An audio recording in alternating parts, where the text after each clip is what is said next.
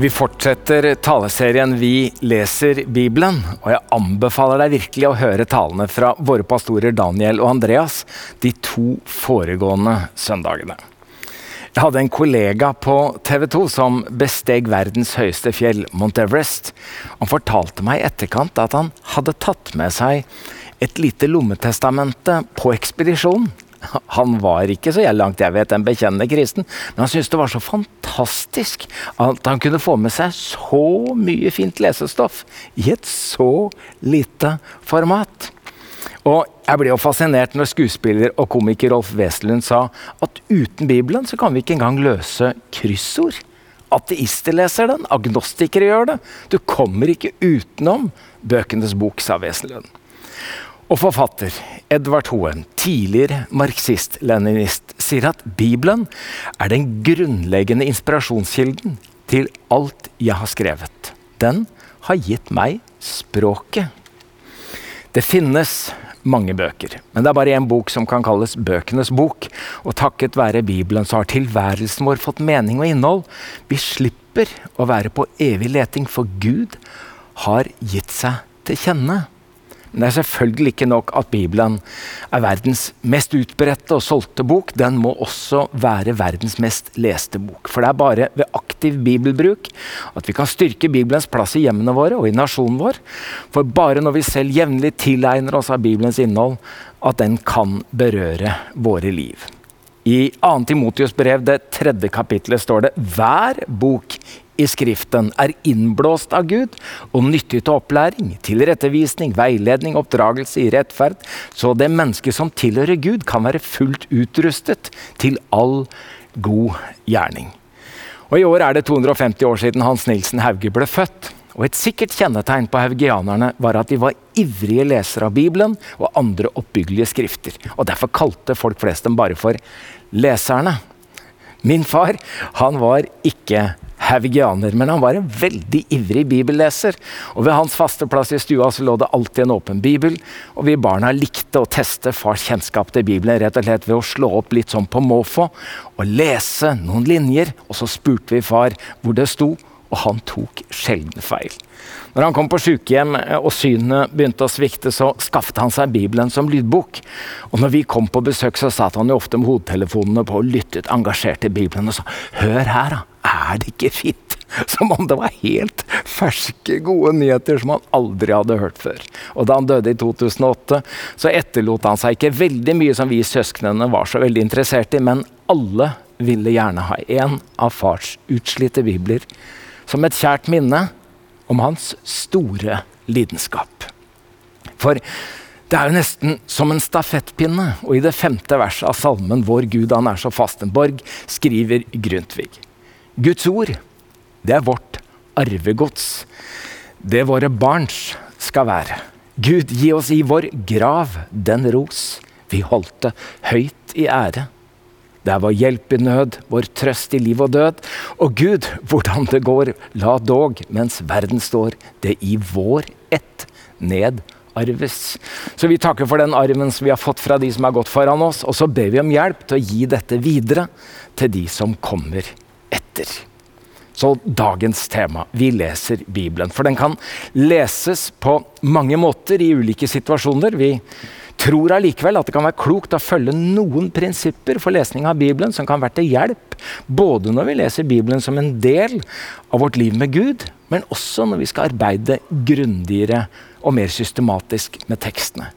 Og Her i Filadelfia-kirka har vi utviklet syv nøkler som eh, skal være til hjelp for hvordan vi kan lese Bibelen. Først sier vi at vi leser Bibelen som en disippel. Det innebærer at vi tror at Bibelen er inspirert av Gud, noe som får oss til alltid å be om at Ånden viser oss hvordan vi skal forstå den. Og for det andre, vi leser Bibelen med ydmykhet fordi den er øverste autoritet for liv og lære. Det innebærer også at vi er ydmyke i forhold til vår tolkning, at den aldri er fullkommen. Og For det tredje leser vi Bibelen praktisk fordi den ikke bare skal forstås, men leves gjennom våre daglige liv. Fjerde. Vi leser Bibelen kristologisk og ut fra tanken om at også Det gamle testamentet peker fram mot Jesus, og ved at Bibelen formidler Jesushistorien som en kjernefortelling. Punkt fem. Vi leser Bibelen kontekstuelt ved at vi spør hvem den første leseren var, og hva de første leserne hørte. Og Deretter vender vi oss til vår egen tid. Og vi leser Bibelen helhetlig ved at vi tolker de uklare stedene i lys av de klare, og de perifere i lys av det sentrale i budskapet. Og til slutt vi leser Bibelen sammen i både tid og rom. Vi leser sammen med ulike kirker som befinner seg i ulike tradisjoner på ulike steder. Og vi leser sammen med kristne gjennom den lange kristne historien. Og Det innebærer ikke med nødvendighet at vi har en felles forståelse av det alle andre mener, men vi ønsker å være informert om hva som har vært den bærende posisjonene gjennom kirka i historien. Og Mitt fokus i dag det er hva det betyr å lese Bibelen. Ja, litt ukjent ord for noen. Kontekstuelt og kristologisk. Og så vil kollega Siri tale neste søndag om at vi leser Bibelen helhetlig og sammen. Håper du får med deg det også. Vi leser Bibelen kontekstuelt. Ordet kontekst betyr sammenheng. Så det å lese Bibelen kontekstuelt må da innebære at vi både prøver å finne hvilken sammenheng bibeltekstene har blitt til i, og så finne sammenhengen mellom disse tekstene og vårt liv. Så vi spør altså hvem var de, og i hvilken situasjon levde de som hørte disse ordene første gangen? Og hva sier de samme ordene til meg i min situasjon i dag? Og siden Bibelens tekster er både 2000 og 3000 år gamle, så skjønner jo vi at kontekstene er svært forskjellige. Men selv om tekstene har blitt til i en helt annen tid, på et helt annet sted, så inneholder de sannheter og livsvisdom som vi som lever nå, trenger å få del i. Fikk en sånn øyeåpner eh, av denne boka 'Faith for Exiles'. Altså fem trekk ved unge som bevarer troen. Eh, og forfatterne av boka de bruker Israels bortføring til Babylon som et bakteppe for hvordan mange unge kristne opplever sin situasjon i dag. Altså som fremmede i en helt annen virkelighet. Nesten som et liv i eksil. Og Undersøkelser i USA viser jo skremmende at syv av ti barn fra aktive kristne hjem velger bort kirka i voksen alder. Og En nylig undersøkelse fra Sverige viser at seks av ti unge med bakgrunn i frikirkelige menigheter forlater troen før de fyller 23 år. Så nye generasjoner vokser opp uten å ha en anelse om hvem Jesus er, og hvilken tro, hva, hva kristen tro innebærer. Så hva kjennetegner unge med slitesterk tro, altså de som blir værende i troen? Og De forsket, disse forfatterne, på dette og fant fram til fem kjennetegn. Og én av de kjennetegnene eh, handler nettopp om dette. Å kunne Bibelen, lese Bibelen kontekstuelt. De kjenner Bibelen, de har en kristen virkelighetsforståelse og er i stand til å møte andre virkelighetsforståelser på en god måte. For hvis vi ikke finner sammenhengen mellom Bibelens ord og det livet vi lever, så blir troen irrelevant over tid. Det norske ordet kommunikasjon kommer fra det latinske 'communicare', som betyr å gjøre felles med. For all form for kommunikasjon handler jo nettopp om å skape kontakt og opprette forbindelse. Offentlige kommunikasjonsmidler som buss og tog og båt og fly de oppretter jo forbindelse mellom steder på tross av store avstander. Og elektroniske kommunikasjonsmidler som telefon, TV, radio og internett eh, er jo nettopp til for at det skal opprettes forbindelse mellom forskjellige mennesker på forskjellige steder. Så hovedprinsippet i kontekstuell bibellesning er aktivt å knytte Bibel og hverdag sammen med en overbevisning om at det er en sammenheng mellom det Bibelen forteller, og det vi erfarer. Det er omtrent som når vi kobler to ledninger sammen og er kobla til en pære. Da blir det lys. Og når de to tingene kommer sammen, så tenner det.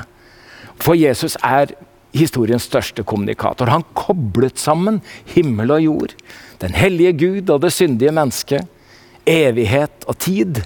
Og denne kommunikasjonen den kalles altså for inkarnasjon. I Johannes 1, vers 14 så leser vi at ordet ble menneske og tok bolig iblant oss. Og vi så hans herlighet som den enbårne sønn har fra sin far, full av nåde og sannhet. Jesus er Gud med kropp og hud i vår kontekst. Allerede som tolvåring så kunne jo Jesus sette fast de skriftlærde med spørsmål og svar og kommentarer. Men han begynte ikke å tale, han, tale offentlig før han var 30. Som Gud kunne han skriftene fra innsida, men kanskje han trengte som menneske å lære seg livet i vår kontekst. Så når han begynner å tale, så forstår vi han kjenner oss, og han kan det livet som vi lever. Derfor er det sånn at Jesu lignelser begynner i det kjente, og så fører han oss inn i det ukjente. Han tar utgangspunkt i det synlige, så tar han oss med inn i det usynlige. Han tar utgangspunkt i det menneskelige, og så fører han oss til Gud.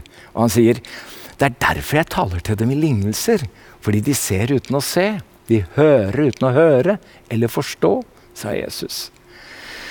Og siden jeg ikke har studert teologi på universitetet, så har jeg hatt ekstra stor glede av alle de gangene jeg har vært reiseleder i Israel. Å få gå i det bibelske landskapet rent geografisk. Det har hjulpet meg til å komme nærmere konteksten til de bibelske tekstene. Å høre de israelske guidene fortelle og forklare sammenhengen mellom bibelhistorien og jødisk tro og tradisjon.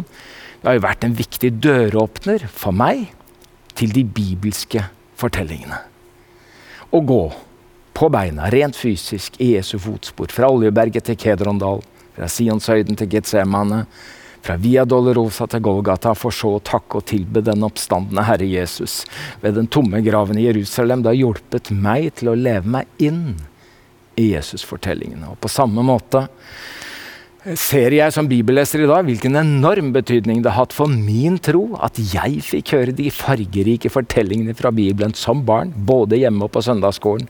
Det har helt klart formet meg både som menneske, men også preget meg som forkynner.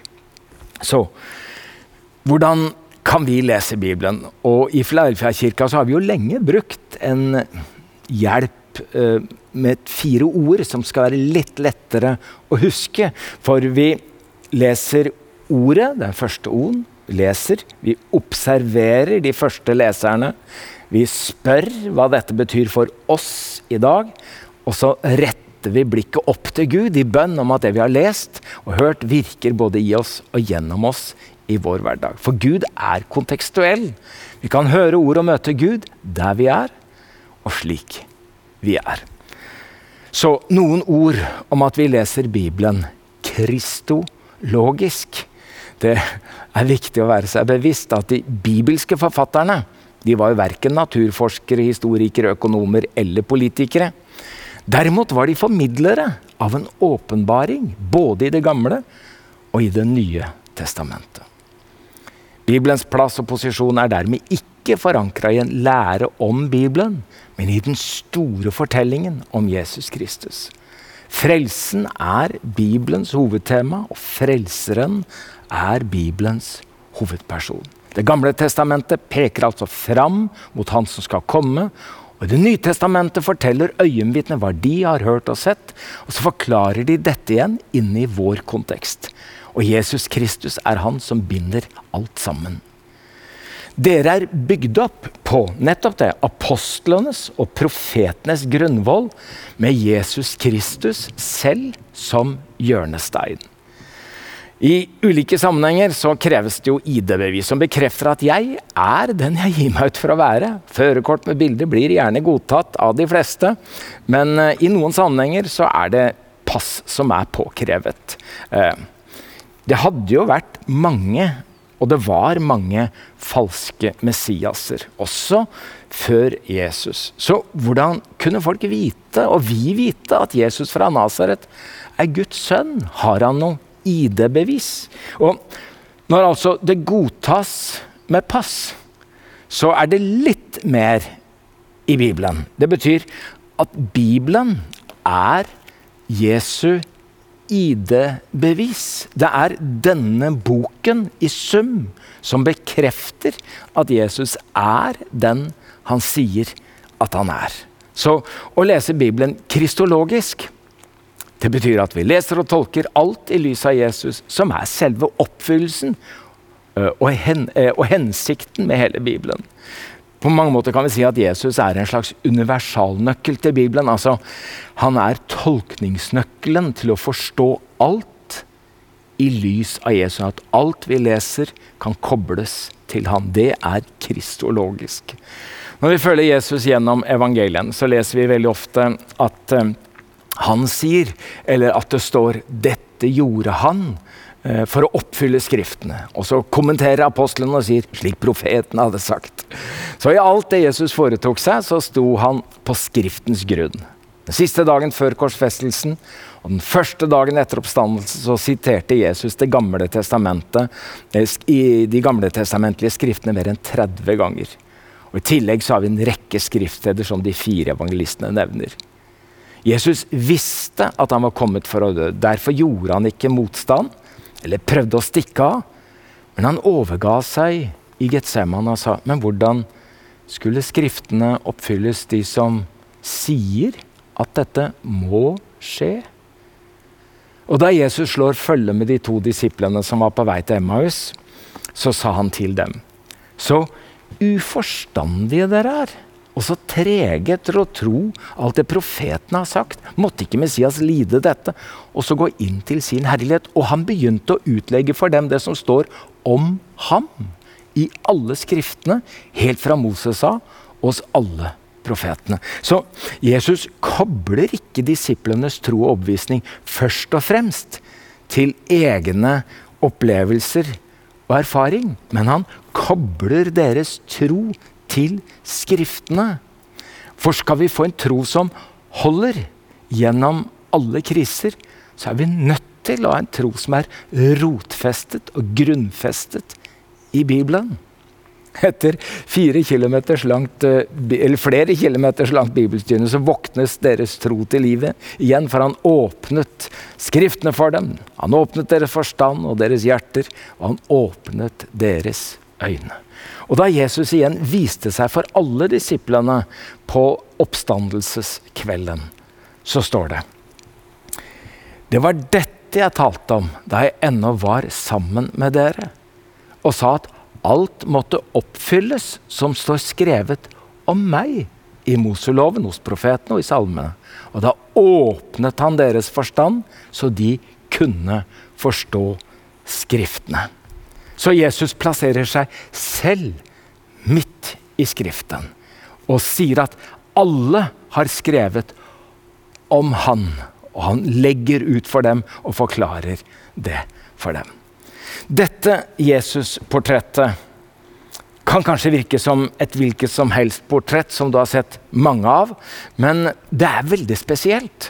For det er laget av bokstaver. Og disse bokstavene er versene i hele Johannes evangelium. Altså, når vi kommer nærmere i bildet, så ser vi det. At her går det jo faktisk an å lese. Og her er det noen lyse, noen tynne, noen mørke eh, eh, bokstaver, men alt sammen er Johannes evangelium. Og i sum så danner dette et bilde. Og det var det som var Sandra, altså kunstneren Sandra Jelineks ønske og bønn og visjon. Det var at når vi har lest ikke bare Johannes evangeliet, men når vi har lest Skriften, så sitter vi igjen med ett bilde og det er bildet av Jesus Kristus. I retreatbevegelsen så syns jeg at jeg lærte noen bønner og har kommet nærmere Jesus-fortellingene, også med Jesus-meditasjon. Men eh, jeg eh, har ofte bedt og ber ofte disippelbønnen, og tenkte jeg kunne invitere deg inn i det. For, for disipler du og jeg er i Jesus, og Jesus er i oss. og Derfor er dette en fantastisk bønn å be sammen. Herre Jesus Kristus, du står her foran meg, du er også bak meg. Du er på min høyre side, og du er på min venstre side. Du er over meg, og du er under meg. Du omgir meg på alle sider. Du bor i mitt hjerte. Du gjennomtrenger meg helt, og du elsker meg, Herre Jesus. Den svenske pinselederen Levi Petrus var gift med norske Lydia fra Kragerø. Og Da ekteparet i 1910 ventet sitt første barn, så ble Lydia brått syk. Og så var hun døden nær. De mistet barnet. Men Lydia overlevde. Og i sorgen og troskampen som fulgte, så skrev Levi Petrus sangen. Løftene kan ikke svikte. Nei, de står evig fast. Jesus, hvert ord har beseglet den gang hans hjerte brast. Nå får vi høre sangen.